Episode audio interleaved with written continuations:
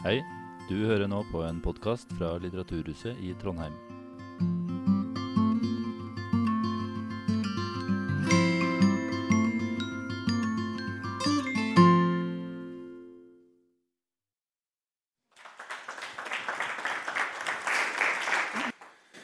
Ja, velkommen til Trondheim, Heidi Helene Sveen. Takk. Um, vi befinner oss nå i Rådhussalen. Ja. Der uh, avla min tipp, tipp, tipp, tipp, tipp, tipp, tipp oldefar borgerbrev i 1710. Oi. Og grunnen til at jeg vet det, er jo fordi historien skrives av og om menn. Ja. Og det er en gjenganger.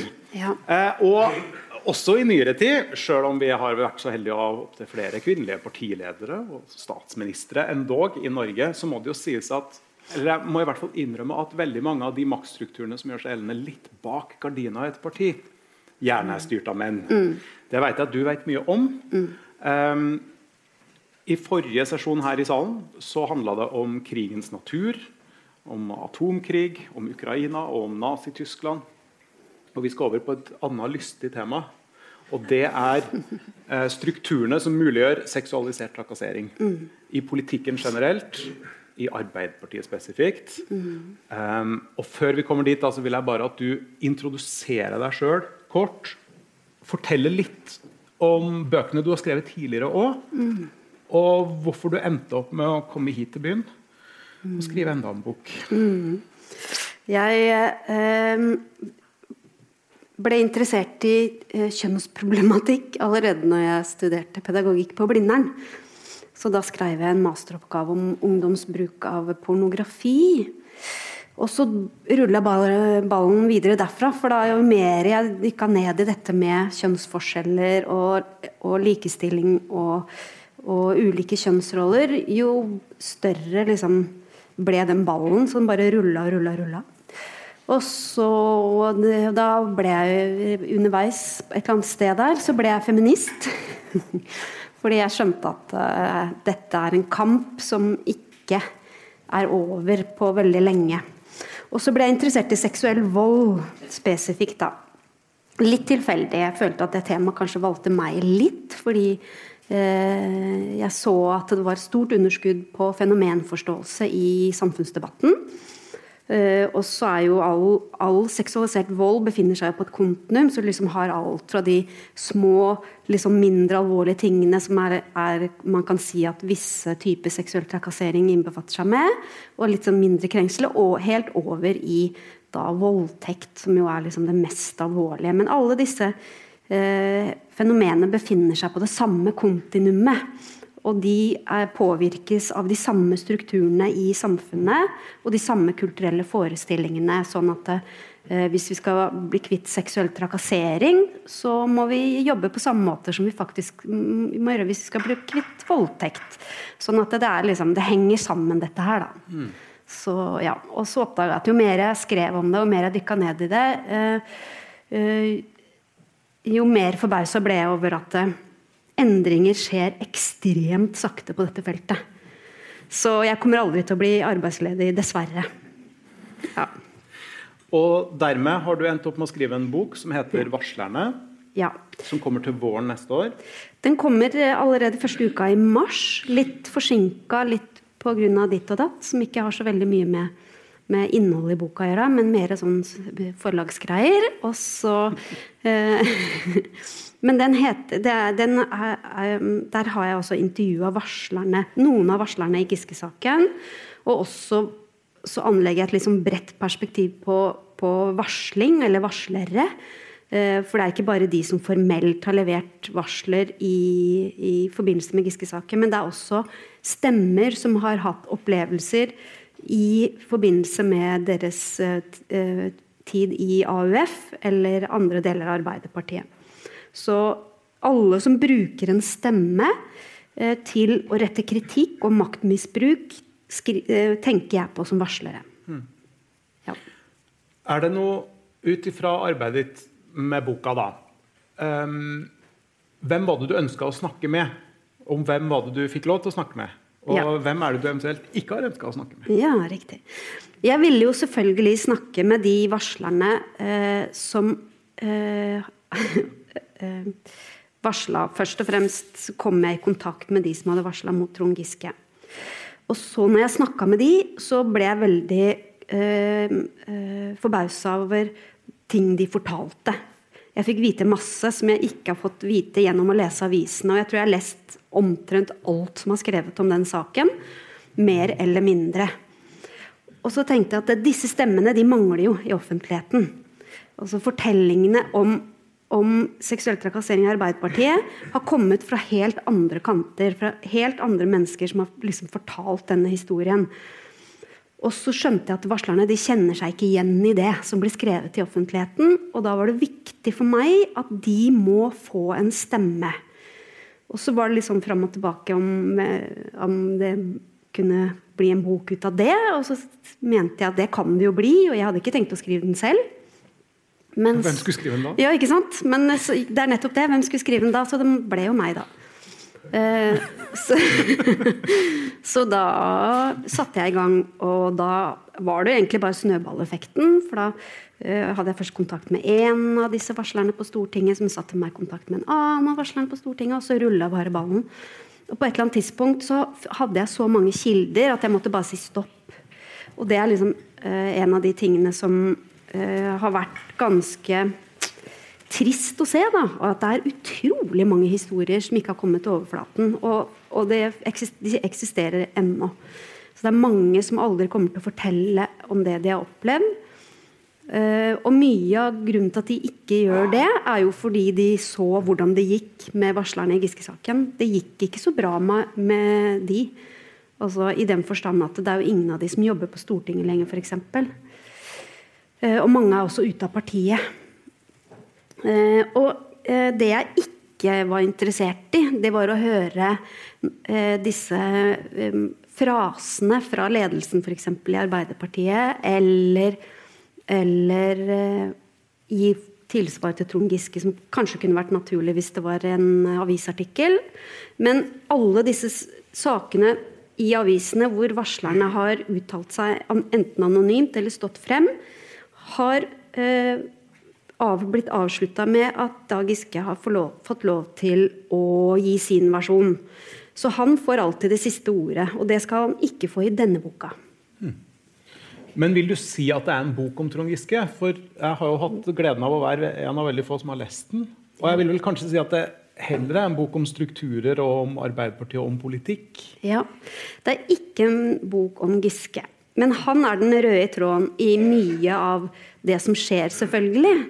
Fordi eh, denne saken Jeg så jo veldig fort at denne saken aktualiserer veldig mye av eh, generelle problemer med varsling.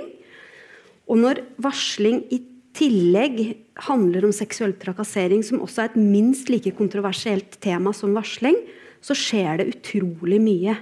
Sånn at den saken var en veldig fin knagg å løfte frem da strukturer og ukultur. Og, dette, og, og belyse da disse fenomenene. Sånn at det, eh, er en slags rød tråd i boka, men det er mest av alt en bok om eh, seksuell trakassering i vår kultur. Også i verden, fordi at dette fenomenet er verdensomspennende. Eh, nå skal jeg ikke foregripe spørsmålsrekka di, for jeg har lyst, kjenner at jeg bare har lyst til å dure på. Ja, men gjør det. okay. det, kommer, det, kommer, mer. Det kommer mer, ja. Fordi dette Altså det, eh, Arbeiderpartiet, det, det, står ikke verre til i Arbeiderpartiet enn i andre partier eller andre organisasjoner eller bedrifter rundt omkring i verken Norge, Sverige, Skandinavia, Europa, USA, resten av verden. Når du ser på forskningen, så ser man at dette fenomenet gjør seg gjeldende i like stor grad i nesten alle verdensdeler der hvor de har klart å måle det på arbeidsplasser.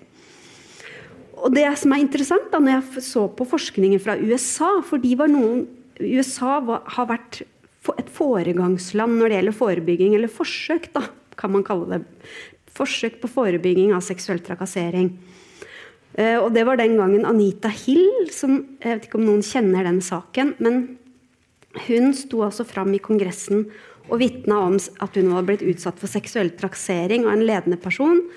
Uh, og uh, opplevde at hun ble rett og slett hetsa og bua ned og skjøvet vekk og bort. Uh, men det som det fikk eh, veldig uheldige konsekvenser for henne. Men eh, det skjedde en liten oppvåkning i USA da. For da bestemte de seg for å ta seksuell trakassering på alvor. Og så var det noen ledende feminister der òg, selvfølgelig, som gikk foran. Sånn at allerede på 80-tallet så innførte de retningslinjer eh, i Altså det var alle bedrifter og organisasjoner var pålagt å ha retningslinjer mot seksuell trakassering og varslingsrutiner. Så det ble innført i, i det store og det hele Eh, I løpet av 90-tallet så hadde nesten ganske høye tall, altså nesten alle bedrifter og organisasjoner i USA hadde det. Og så da, man, det, det, var på 80-tallet, og så kom det noen forskning, en stor sånn metaundersøkelse som kom for noen år siden, som ville se på da, om, hva, hvordan har dette hatt effekt. Ingenting. Det har ikke hatt noe effekt. Altså, Tallene er akkurat like høye. Og eh, det har jeg lyst til å komme tilbake til seinere, på hvorfor det ikke har hatt effekt med retningslinjer eller kursing. Mm. Men det er også fakta. Det er én ting du sier som jeg kanskje ikke er helt enig med deg i. Ja. Fordi du, du, har jo helt rett i at seksualisert trakassering er et um, det er et helt samfunnsgjennomsyrende problem mm. i alle institusjoner, i, i, alle former for organisasjoner, mm. i alle fellesskap. Um, men så jeg, jeg, tror jeg vil hevde da, at enkelte deler av samfunnet og enkelte organisasjoner mm. har et større problem enn andre. Ja. Um, alle politiske partier i Norge på Stortinget har hatt alvorlige metoo-saker. Mm. Um, jeg har sjøl vært med å behandle metoo-saker mm. da jeg satt i, i ledelsen i SV sjøl for noen år siden. Uh, men for å gå inn i anekdotenes verden, da. Um, da jeg var 15 år, nyinnmeldt uh, SU-er i Trondheim, og SU hadde kontor vegg i vegg med AUF på Folkets hus. Mm. Um, så hadde vi sånne bannere av Marx og sånn. Mens AUF hadde et eget rom med en seng og en svær skål med kondomer. Ok. Ja. ja. Um, og jeg vet ikke om noen andre ungdomspartier som ville ha funnet på å gjøre det. Oh, nei, okay. Så jeg slenger ut følgende påstand mm. til deg, mm. og så må du avgjøre om du mener det stemmer eller ikke. Mm. Jeg mener Arbeiderpartiet har et større problem enn mange andre partier i Norge. Eh, og jeg lurer på for det første om du er enig, og hvis du er enig, hvilke mekanismer du tror kan ha forårsaka det.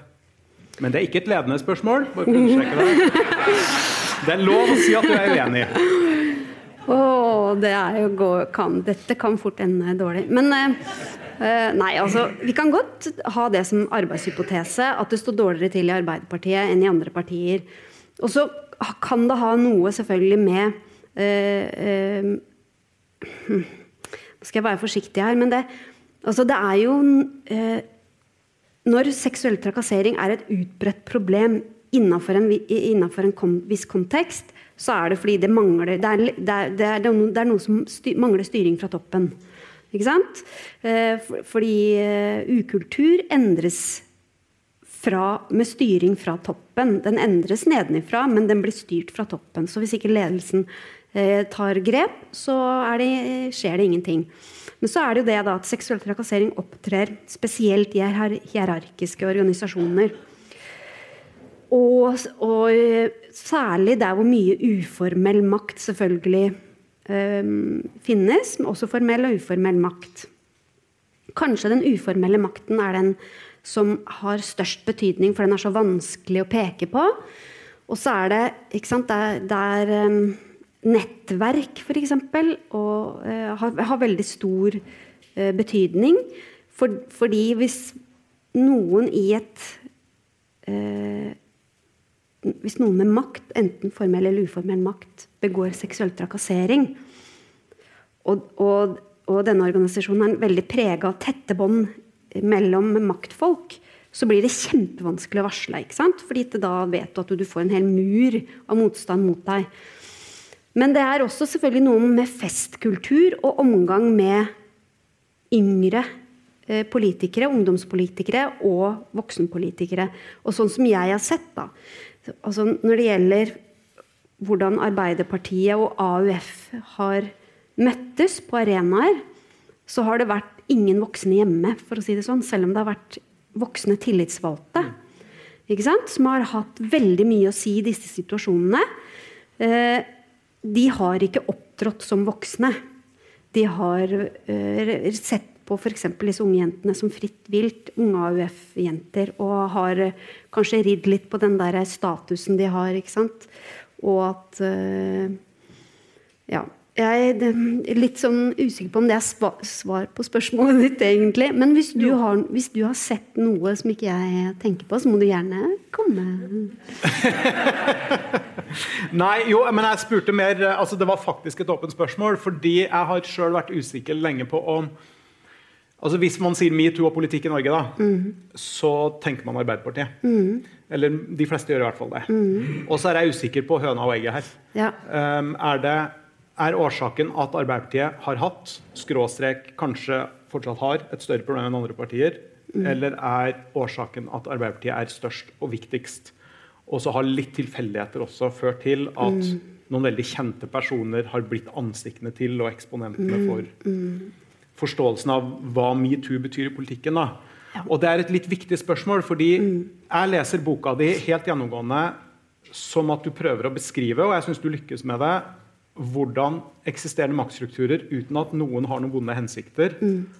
for å si det rett ut, gjør det helt jævlig å være varsler. Mm. Eller lenge før det gjør det helt jævlig å bli utsatt for seksuell trakassering. Langt mm. utover belastninga å bli utsatt for trakasseringa òg. Mm. Mm. Så er det noe med måten vi organiserer og utøver makt på i politikken, ja. som gjør at seksualisert trakassering eventuelt blir et større problem i Arbeiderpartiet. Ja. er mitt nå ledende spørsmål. Ja. Og jeg spør fordi Arbeiderpartiet nesten alltid har hatt mest makt. Ja, ikke sant? Og i Arbeiderpartiet har nesten alltid makt hatt mest mm, å si. Mm. Mm, ja. ja det, en ting som jeg eh, tenkte da, jeg kan, Nå er det journalister her, og sånn da, så jeg risikerer å bli sitert på det. Vei dine ord. Ja, det være mine ord. Men, men, dette var en tanke som jeg gjorde meg underveis når jeg leste gjennom mitt eget materiale ettersom jeg skrev det fram. Så tenkte jeg at det, det, særlig de historiene som kom fra Trøndelag eh, så fikk jeg en veldig sånn følelse av at det, det er litt sånn sekttendenser her. Fordi det blir avkrevd en absolutt lojalitet innad i, i partiet. ikke sant? Og de som er illojale, de risikerer å bli fryst ut på et knips. Og det å varsle om maktmisbruk, det blir sett på som illojalt. Og så er det også sånn at det, det har vært sånn i maktstrukturene her i Trøndelag at veldig mange av de som sitter på makt, de kjenner hverandre også privat. De omgås privat. De har liksom veldig tette forbindelser. Så det å være jente på 16 år og liksom skulle varsle mot en tillitsvalgt, det er helt umulig posisjon å ta. ikke sant? Det går ikke. Så disse unge jentene de har rett og slett eh, blitt valsa over og eh, forkasta som om de skulle vært skrot. Sånn har det vært. Uh, og de vet veldig godt De ser, altså En 16-åring er fullt ut i stand til å gjenkjenne maktstruktur. Enten den er formell eller uformell. Sånn at, uh, og når de, de, få som har prøvd da, å, å, henvende seg til uh, noen de har tenkt på som trygge i partiet, så har det skjedd ingenting. Og når det ikke skjer noen ting, så er det kanskje det sterkeste signalet du kan få på at heier det over kjeft. Ikke sant? Så, så, det har vært ganske ille. Og det går kaldt nedover ryggen på meg fremdeles når jeg leser gjennom, for jeg driver jo og knar manuset fremdeles litt. da. Det går fremdeles kaldt nedover ryggen på meg når jeg skjønner hva disse unge kvinnene har vært utsatt for. Det er ille, altså. Og, og det har kanskje forandra seg noe, men du ser jo f.eks. at det, det er mange av de samme personene som er satt med makt da, de har makt fremdeles i partiet. Eh, så hvordan det er å være varsler i dag det, det, det, jeg, jeg, jeg, ville ikke tenkt at det, nå er alt blitt så mye bedre. Det, vil tiden vise, tenker jeg. Men eh, det som er sant, det er i hvert fall at de som har vært en del av dette, disse strukturene som har lagt til rette for at maktmisbrukere bare kan holde på, de finnes fremdeles i partiet. Og de har, de har, de har ikke betalt noe for den unnfallenheten. Heller snarere tvert om. Kanskje de har enda mer makt i partiet nå enn de hadde da. Det er en så dyp urettferdighet at det vrenger seg i magen på meg når jeg tenker på det. Blir forbanna, rett og slett. Jeg kjenner det til og med nå når jeg sitter her. Det blir skikkelig forbanna. Og jeg ser nå at når liksom um, denne personen som vi kanskje ikke skal snakke så veldig mye mer om her, da, men som har hatt en sentral rolle som, som utøver av maktmisbruk, fremdeles da klarer å sette i gang prosesser som er helt like de som var liksom da på den tiden, hvor de samme personene går ut og forsvarer han. Ja, da sikter du til oppslaget i Adresseavisa i, i går? Ja. ja. Mm. ja. Um, en av de du snakker med i boka, som ikke har varsla om sin historie, og som varsla om en uh, ikke navngitt person um, i Arbeiderpartiet, hun sier til deg at hun aldri tenkte det var aktuelt å varsle den gang. Mm. Og sitat, og kanskje enda mindre i dag. Ja. Kan du forklare liksom bakgrunnen for det og logikken i det? Sett oss litt inn i uh, hodet og hjertet til en i, dette, i, denne sammenhengen og i dette tilfellet ikke navngitt mm. kvinne. Mm. Som en gang var en ung kvinne i, ja. i Arbeiderpartiet. Mm. Eh, flere ting. For det første eh, så har vi jo nå sett at eh, det er ikke sikkert at det får konsekvenser for den som blir varsla om. Eh, og ved å varsle så utsetter du deg for masse kritikk, hets, mistenkeliggjøring ignorering, utfrysing.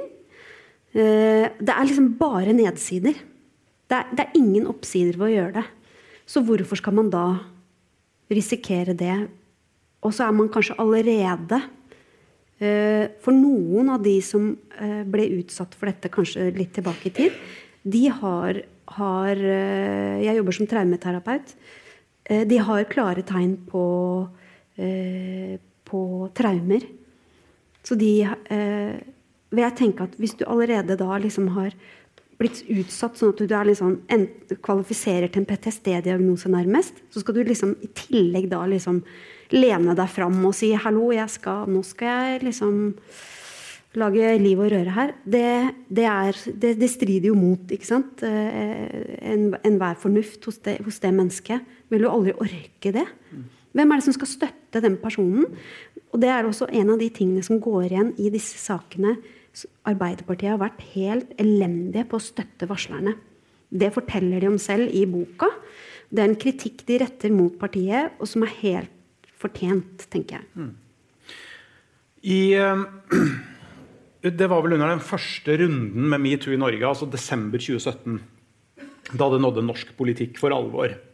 Så uttalte en sentral Arbeiderpartipolitiker i gruppemøtet til Arbeiderpartiet at varslere måtte stå fram, men at uh, hun advarte på det sterkeste mot å spre rykter om seksuell trakassering uh, og varsle via tredjepart. Man måtte varsle selv, var budskapet. Mm. Og Det var også policyen en stund. Og det er det mm. også i andre politiske partier, så vidt jeg mm. vet. Mm. ellers er det så anses som rykter. Men det du mm. sier nå, får meg til å tenke burde man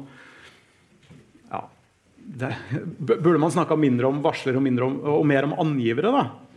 Det er jo ingen mekanisme på plass for tredjepartsvarsling, så vidt jeg vet, i mange organisasjoner. og vi har heller ikke snakka noe særlig om det. Nei, men Arbeidsmiljøloven sier, sier jo noe om dette. og det er at mhm. Hvis du blir gjort kjent med kritikkverdige forhold i bedriften, så utløses det en aktivitetsplikt og undersøkelsesplikt. Det trenger ikke komme fra første person. Hvis du får høre via via at noen har gjort noe, så har du plikt til å undersøke. Og da er det, det er fullt mulig å varsle på vegne av noen andre. Hva er det da som gjør at du tror at det ses på som så uaktuelt i politiske sammenhenger og i politiske partier? Nei, det er lettvinthet, selvfølgelig. Det er mye lettere å, å, å ikke ville forholde seg til tredjepartsfortellinger uh, eller varsling. Det gjør det mye enklere. Og så er det det som, sant, det som når man har det som policy, så tvinger du enkeltstående varslere som allerede er i en utsatt posisjon, du tvinger dem fram eh, til å ta den jobben du sjøl burde ha gjort med å rydde opp i en bedrift. Og jeg syns det er dypt urettferdig. Jeg skjønner at en arbeidsgiver eller en organisasjonsleder kan ikke ha full oversikt over det som skjer i bedriften til enhver tid. Men Eh, at man, hvis, hvis du har, er, som leder er så fraværende at du ikke vet hva som skjer på gulvet i bedriften din, da har du jo allerede liksom valgt en strategi eh, som kaster varsler under bussen. Fordi det er jo heva over enhver tvil at det å være varsler, Det er en risikosport eh, av en annen verden. Så vi burde jo eh, Enhver leder burde eh, gå inn for at så få som mulig skal måtte varsle. Man bør begynne med forebyggingsarbeidet mye før det blir så ille at noen må stå fram og varsle. Og jeg tror heller ikke noe på og i hvert fall Når det gjelder Arbeiderpartiet, så er det helt klart at de var fullstendig klar over at det skjedde ting som ikke skulle ha skjedd. Og at det har gjort det i mange tiår. Så det er, det er liksom ikke bare den nåværende ledelsen som har eh, litt av hvert å svare for. Det er ledere tilbakeover i tid også.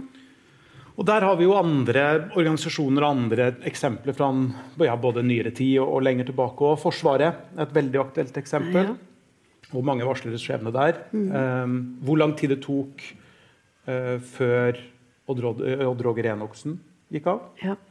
Um, men vil du si at vi har et kulturproblem, eller dreier det seg kun om makt? Har... Altså er, det, er, det, sånn, er det bare sånn kjønnsroller og ja. kultur og strukturene våre er bygd opp? Sånn at mm. det er selve, selve byggverket i dannelsen vår vi må ta tak i? Mm.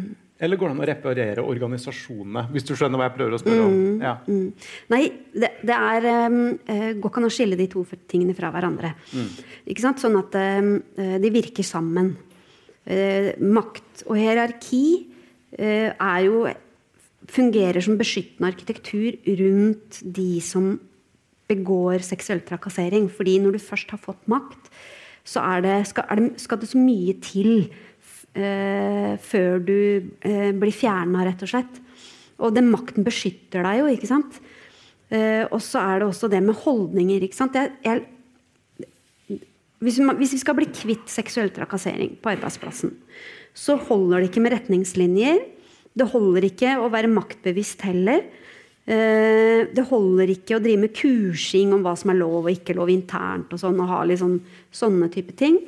Det som må til, da, det er at vi må se på seksuell trakassering på samme måte som vi ser på eh, covid-19.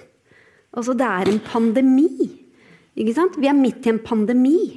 Det er ikke en enkeltstående forkjølelse vi snakker om. Det er ikke, det er ikke isolerte tilfeller. Og det smitter. Og det smitter. Mm. Og hvis vi skal bli kvitt fenomenet seksuell trakassering, så må absolutt alle være med på det arbeidet. Sånn at eh, du kan ikke si f.eks. at nei, det vedrører ikke meg, for jeg er ikke en sånn person. Jeg ville aldri gjort det. Så jeg trenger ikke forholde meg til dette temaet. Da er, liksom, da, er du, da er, du, den personen som ikke tok vaksine, som ikke brukte antibac, som ikke brukte munnbind. Ikke sant? Da er du den personen. Fordi du, jeg, skal, jeg, skal, bare holde litt avstand, så går dette bra. Mm. Da er du den personen, rett og slett. Så, og det viser forskning også, at skal vi bli kvitt det problemet, så, så må alle delta. Alle må, må, må uh, gjøre uh, et arbeid. Og da, Istedenfor å bruke antibac, så kan du jo prøve å, å desinfisere holdningene dine. Og se er, det, er jeg bærer av sexistiske holdninger. Objektifiserer jeg kvinner? Uh, ser jeg mellom fingra når noen forteller en sexistisk vits i lunsjen? Humrer jeg litt når jeg liksom ser sjefen henge over den nyansatte sekretæren på julebordet? og så liksom, Ler jeg med da? Liksom? Er jeg den personen? For hvis du er den personen, da er du en del av problemet.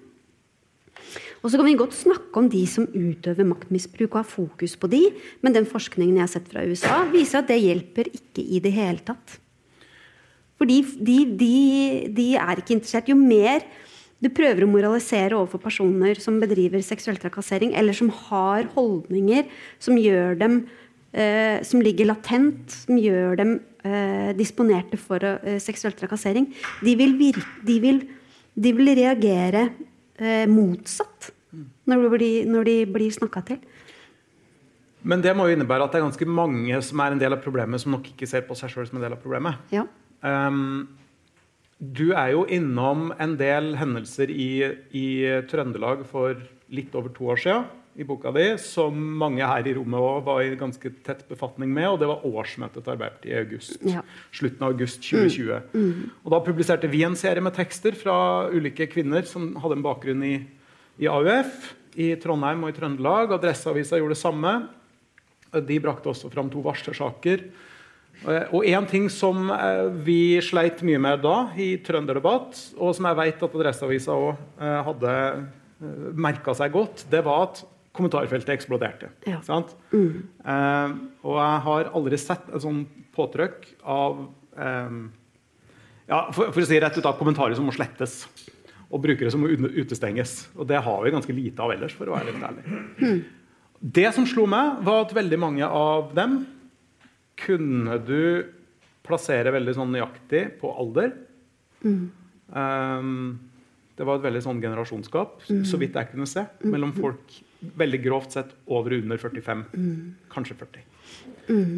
Men så var det veldig mange kvinner. Mm. Veldig mange kvinner over 40-åra mm. var blant de mest fordømmende mm. og skrev veldig mange av de groveste tingene. Og det betyr at den eneste gangen jeg tror jeg har måttet ta tak i flest kommentarer skrevet av kvinner. Det skjer aldri ellers i debattjournalistikken. Det kan jeg love dere. Verken når vi skriver om islam eller Israel eller homoer eller noen ting. Men metoo ja. Hva, hva for slags mekanisme er det? Å, det er mange ting. Men det er, eh, det, noe av det handler om Det er jo en, det er et generasjonsskifte her, sånn, det er det jo helt klart. Noe av det handler selvfølgelig om at mange av disse kvinnene de er jo vokst opp med mye mer sexisme enn det uh, de yngre er, selvfølgelig. Uh, litt annet syn på kjønnsroller liksom for 20, 30 og 40 år siden. De har vokst opp i den tiden, så de har internalisert veldig mye av de holdningene og normene og da er det de, de, kommer kanskje fra en oppvekst der man skilte mellom to typer kvinner. Det var den typen som tok vare på seg selv, og som kontrollerte sin seksualitet, og menns seksualitet. Ved å kontrollere sin egen så kunne de også kontrollere menns ustyrlige seksualitet. Og så har du den, de, den andre type kvinnen sånn, som, som, var mer utflytende, grenseoverskridende, hadde ikke grenser. eller Sånn det, ble det sett på da. Det, dette mener ikke jeg også. Men som da liksom hadde eh, flere seksualpartnere, eller som var eh, flørtete, eller eh, gikk med dyp utringning, eller seksualiserte seg selv, da. Noe som liksom eh, Du har, har den der typiske hore-madonna-inndelingen. Og den den har de nok tatt med seg videre. Og da var det om å gjøre å liksom ikke være den, hun som falt i den feil kategorien. ikke sant? Så de har mestra dette, brukt mye energi på dette gjennom sitt liv, på å mestre disse situasjonene med menn. Og, og opplever nok at de har lykkes mye med det. ikke sant?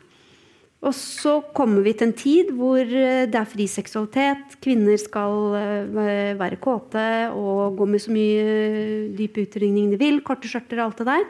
Det har vært en liten revolusjon. ikke sant? Og det der henger jo ikke noen Det er jo mange som ikke henger med, ikke sant? som syns at dette er liksom Det er jo helt for gærent at det er sånn. Det er ikke noe rart disse jentene blir voldtatt. Det er tankegangen da. ikke sant? Fordi menn kan jo ikke kontrollere sin seksualitet. Så når ikke de kvinnene tar det ansvaret, eh, så må de ta skylda sjøl. Litt sånn holdninger. Og så er det også noe som ligger der med at det, det ligger jo dypt i vår grunnstruktur, i den menneskelige naturen, at vi tenker at verden er rettferdig. For hvis verden ikke er rettferdig, så blir det veldig skummelt å leve. Så vi trenger å tenke at verden er rettferdig. Så det du putter inn, er det du får ut, er liksom tankegangen da. Så hvis eh, du ikke har tatt et oppgjør med dine egne sexistiske holdninger, så vil du tenke at de som blir utsatt for seksuell trakassering, de har nok bedt om det sjøl. Fordi jeg har ikke blitt det. Og, derfor, og det er nok fordi jeg har gjort noe riktig. Og den tviholder de på. For, for, motsatt er jo at de da tenker at dette treffer helt tilfeldig. Og det spiller ikke noen rolle hva du gjør, egentlig. Eh, fordi hvis du er på feil sted til feil tid, så kan du bli utsatt for seksuell trakassering. Og da er plutselig verden utrygg. Da er den ikke rettferdig lenger. Så det er mye sånne mekanismer som spiller inn. Da. Er det òg et innslag av Jo, men jeg tålte det her. Jeg holdt ut ja. med det her. De må ta seg sammen. Mm, sånn er det masse. ikke sant? Ja. Jeg bare brøsja det av meg, så hvorfor kan ikke du bare brøsje det av deg? Og det er jo forskjeller i personlighet også, ikke sant? Noen er sikkert så tøffe og, og robuste at de bare kan brøsje det av seg. Men dette er ikke sammenlignbart. Du kan ikke bruke din egen subjektive opplevelse av å ha blitt utsatt for noe, og din måte å håndtere det på, og, og mene at det, sånn skal også alle andre håndtere det. Vi må ta utgangspunkt i hvor forskjellige mennesker faktisk er. Uh, og noen uh, vil tåle det, og andre syns det er problematisk. Og, har, og da handler det absolutt ikke om å være sterk eller ikke sterk. For er det én ting som imponerte meg når jeg skrev denne boka, så var det hvor sterke, kompetente eh, og tydelige intervjuobjektene var. Altså, det er jo karrierekvinner ikke sant? som, som eh, takler stressituasjoner ut av en annen verden som ikke jeg hadde klart. Men fordi, fordi seksuell trakassering i seg selv er et maktovergrep, og det forstyrrer arbeidsroen, det forstyrrer relasjoner til, til ledere eller til den personen som gjør det. Så, da, så, ah, du kan ikke brøsje det av deg. Det er ikke mulig innafor den strukturen. Jeg fikk lyst til å lese opp en sekvens fra, av risiko for å virke helt upassende her, da. men, men fra, fra, min egen bok, faktisk. Eh, ja, er, jeg må bare beklage, altså, men det er, eh, det er en sekvens som dreier seg om, som også dreier seg om AUF. da. Mm. Eh, boka handler om AUF. Men, men jeg siterer en forsker som heter Kristin Alveglad, som, som, er inne på akkurat det du beskriver her. Hun skrev en kronikk eh, i 2020 følgende. da, og Det var for å forklare hvordan mange overlevende etter 22. juli har, eh, har opplevd behandlinga fra omgivelsene. Mm. Og så slår det meg plutselig at her er en ganske tydelig parallell. Mm. Eh, Alve Glad jobber ved NKVTS, altså Nasjonalt kunnskapssenter for eh, ja, Nå stopper det. Vold, eh, vold og traumatisk stress. Ja, riktig. Ja. De fleste mennesker tenker at verden gir mening, at mennesker er gode, og at vi kan til en viss grad kontrollere det som skjer med oss, ifølge Ronny eh, Janoff Bullmann, en svært innflytelsesrik traumeforsker. En traumatisk hendelse bryter med disse grunnantakelsene. Verden blir plutselig meningsløs, ukontrollerbar og uforutsigbar, og vi skjønner hvor sårbare vi faktisk er. Traumeutsatte utgjør på denne måten en alvorlig trussel for verdensforståelsen vår. Hvis den traumeutsatte ikke kan klandres for det som har skjedd, kan det skje hvem som helst. Det kan til og med skje med oss. Mm. Men hvis de traumeutsatte har litt skyld i det selv, utgjør det ikke lenger en slik trussel. Da kan vi andre fortsette å tenke på verden som forutsigbar og trygg. Mm. Er det sånn politiske organisasjoner også fungerer? Ja, det, du skal ikke se bort fra det. For dette er en sånn grunnleggende eh, struktur i menneskesinnet.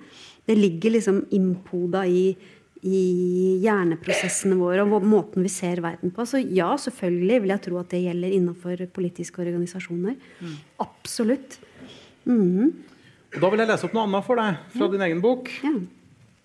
Eh, som eh, Jeg må innrømme at det var sekvensen som gjorde aller mest inntrykk på meg. Eh, jeg blir fortsatt litt sånn Jeg får litt svette hender av å skulle lese det opp nå. Fordi du du går til det steget å sitere en scene fra romanen 'Min mørke Vanessa' av uh, Kate Russell. Mm. Um, du beskriver boka som en slags moderne Lolita-fortelling. Der vi gis innsikt i hvordan grooming, altså den voksnes manipulasjon av barnet, skjer uten at barnet skjønner hva som foregår. Bokas hovedperson Vanessa er en ensom og plaga ung jente med en typisk ungdommelig iver etter å bli sett av læreren. Han er på sin side fylt av en voksenmannsbegjær som retter seg mot henne. Etter at den 42 år gamle læreren har initiert den første intime kontakten med sin 15 år gamle elev, sier han til henne. 'Dette er alvorlig. Jeg vet det', svarer hun. 'Vi bryter en haug med regler', sier han. 'Jeg vet det', forsikrer Vanessa. Og så skriver du manipuleringa ligger i dette lille ordet 'vi'. Vanessa er forelska i ham og ser ut til å akseptere at de begge er like skyldige og har like mye ansvar for det som skjer. Læreren gir inntrykk av å være plaga av samvittighetsnag og sier til henne at han ikke vil presse henne til noe. Det er du som har kommandoen her, Vanessa. Du bestemmer hva vi gjør. Slik får han Vanessa til å forsikre ham om at det er dette hun vil. Hun ser ikke på seg sjøl som et offer. Hun er med på det. Hun ønsker det. I hennes verden er de med andre ord likeverdige i situasjonen, og i den grad hun reflekterer over maktforskjeller, så opplever hun at det er hennes tiltrekningskraft som gir henne et slags overtak. Og Du må bare tilgi nå at jeg siterer fra en ikke utgitt bok. Jeg håper ja, det, det, er greit. Fint, det går fint. Men eh, jeg har bare lyst til å spørre deg om um, For du, du starta helt innledningsvis i dag med å snakke litt om dette. At du mener det er de samme mekanismene som må til for å bekjempe seksuell trakassering, sånn som voldtekt. Mm. Men en ting du også sier her, er at det må mange av de samme mekanismene til for å forstå seksualisert trakassering mm. som seksuelle overgrep. Mm. Det er det nok ikke alle som er med på. Um, kan du utdype litt? Ja, altså eh, eh, Tja Litt usikker på hvor jeg skal ta dette. Men altså den eh, ans, altså Det skjer jo en ansvarsforskyvning her, ikke sant? i det, det du skriver om der. Og det, det, gjør han, denne læreren helt bevisst. Ikke sant? Han, han skyver ansvaret. Og det er veldig vanlig for overgripere by the way, at de gjør akkurat dette. Eh, det er liksom sånn, det er, liksom, er henta rett fra playbooken til overgripere, dette her. Men det, det er det samme som skjer i, også i seksuell trakassering, selv om, selv om øh, fordi øh, den som øh, Gjerningspersonen, da, vil handle reaktivt, vil han påstå. ikke sant? Fordi han vil alltid skylde på den fornærma i saken og si at var, Hun gikk til meg? Ja, hun ja. kom til meg. Mm. Eller hun smilte, eller jeg så det på henne. Hun sa jo ingenting. Hun sa jo i hvert fall ikke nei. Hun var med på det. Så hvordan kan jeg klandres for dette? Og det verste er da at de som blir utsatt, de tenker, de internaliserer den samme logikken. Det tar lang tid. Det er derfor det tar så himla lang tid før noen, de som har blitt utsatt, forteller om det. Fordi de er i en tilstand Det er veldig vanlig å være i en tilstand av forvirring. Eh, og selvklandring er helt vanlig. og det, er, det, er så, det er så gjennomgående på dette feltet. Enten du ser på seksuell trakassering eller voldtekt eller overgrep av barn. Det er så gjennomgående måte å, å øh, reagere på. Da. Og det er jo veldig heldig for de som begår eh, disse grenseoverskridende handlingene. fordi da, det, dette er jo den samme logikken som de selv bruker? Og, som, og som gjør at de eh, eh, kan på en måte eh, unnskylde det, eller bagatellisere, eller late som om at dette Jeg skjønte ikke, det visste ikke jeg at dette var galt, liksom. Hvordan kunne jeg skjønne det? For hun smilte, og hun var jo med på det.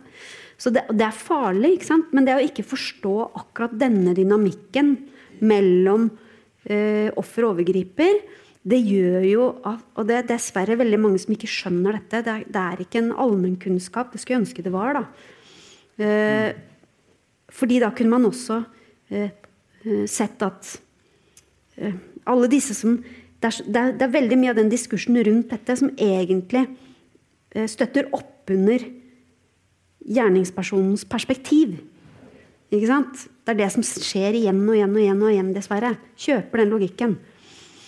Uh, og, og, hvis jeg, jeg, tror det er mange som kunne lest den passasjen der uten tilleggskommentarer og sånn, som ikke ville skjønt hva de skulle reagere på. Dessverre.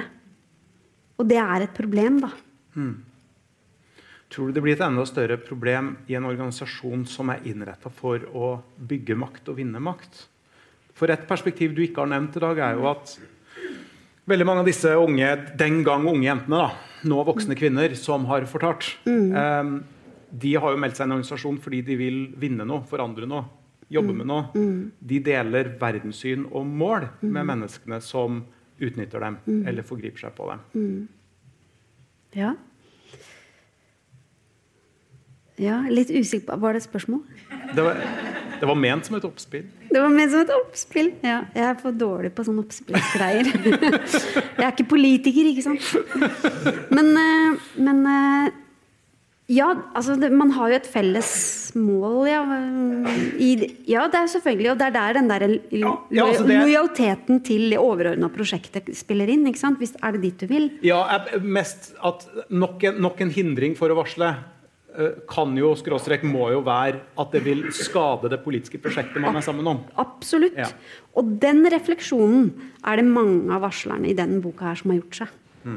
Før de valgte å varsle. De veide for og imot, og de var kjemperedde for at det skulle skade partiet hvis mm. de varsla. Eh, og eh, det tenker jeg at er Det er jo forbausende at det er sånn, ikke sant? Eh, hvis jeg skal få lov til å trekke en parallell, for jeg jobber jo også som sagt, traumeterapeut på Dixie ressurssenter, hvor som, er- som er et tilbud til alle som har blitt voldtatt. Og da snakker jeg jo med utsatte hver eneste dag på jobb. Og det de er veldig opptatt av, mange av de, og særlig unge jenter, dessverre. Fordi de opplever eh, voldtekt i omkretsen. Det er jo mest vanlig å bli voldtatt av noen du kjenner, eller en bekjent av noen du kjenner. og sånn. De er kjempeopptatt av at de ikke må ødelegge livet til han som har gjort det, ved å fortelle. De er så opptatt av det at det hindrer dem i å fortelle. De er mer opptatt av det enn noe annet. Fordi at han, ikke sant? Så de har Så den derre hevngjerrige eh, varsleren eller den hevngjerrige personen som liksom roper opp om voldtekt og sånn, Maktkampspilleren. Maktkampspilleren, f.eks. Den har ikke jeg sett noe til noe sted, dessverre. Jeg skulle nesten ønske at det var mer hevngjerrighet blant de som har blitt utsatt, enn det som er. ikke sant? Fordi det er en selvhevdende følelse, i det minste. Men eh, det er lite av det, også. Så det, det, er det, ikke sant? det er det også Det er det man ser på forskning på varsling. Det er det at eh, de som varsler, er kjemperedde for å ødelegge for organisasjonen. Det det, det, er det siste de ønsker, for de er jo med på dette prosjektet. De har jo det felles mål om at vi skal vokse, vi skal gro, eller vi skal produsere noe, eller få politisk eh, gjennomslag, vi skal bli store og fine. Så de er jo, de er jo eh, med på det prosjektet. Og, og det er jo derfor de er der. Så ja, det, det vil det vil være også en hinder, et hinder, selvfølgelig. Av mange. Det er så mange hinder, dessverre. Mm. Det er tusen ting til Ja. jeg har lyst til å diskutere med deg. Mhm. Men arrangøren ser på meg med et umiskjennelig blikk. Mhm. Det betyr at vi må runde av. Eh, Så- så jeg skal snike meg til og spørre om det er noen, er det noen refleksjoner du har gleda deg til å dele, som du ikke har hatt tid til å dele til nå. Og så tar vi det minuttet fra arrangøren til slutt.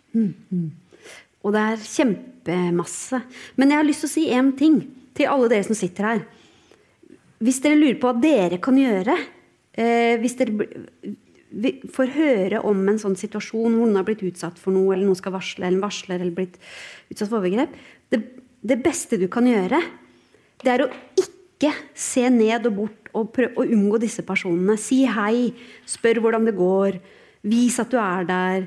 Fordi å varsle er noe av det mest ensomme man kan gjøre. Og det alle jeg har intervjua i denne boka, forteller at noe av det verste med hele prosessen var den ensomhetsfølelsen etterpå. De følte at de sto helt aleine.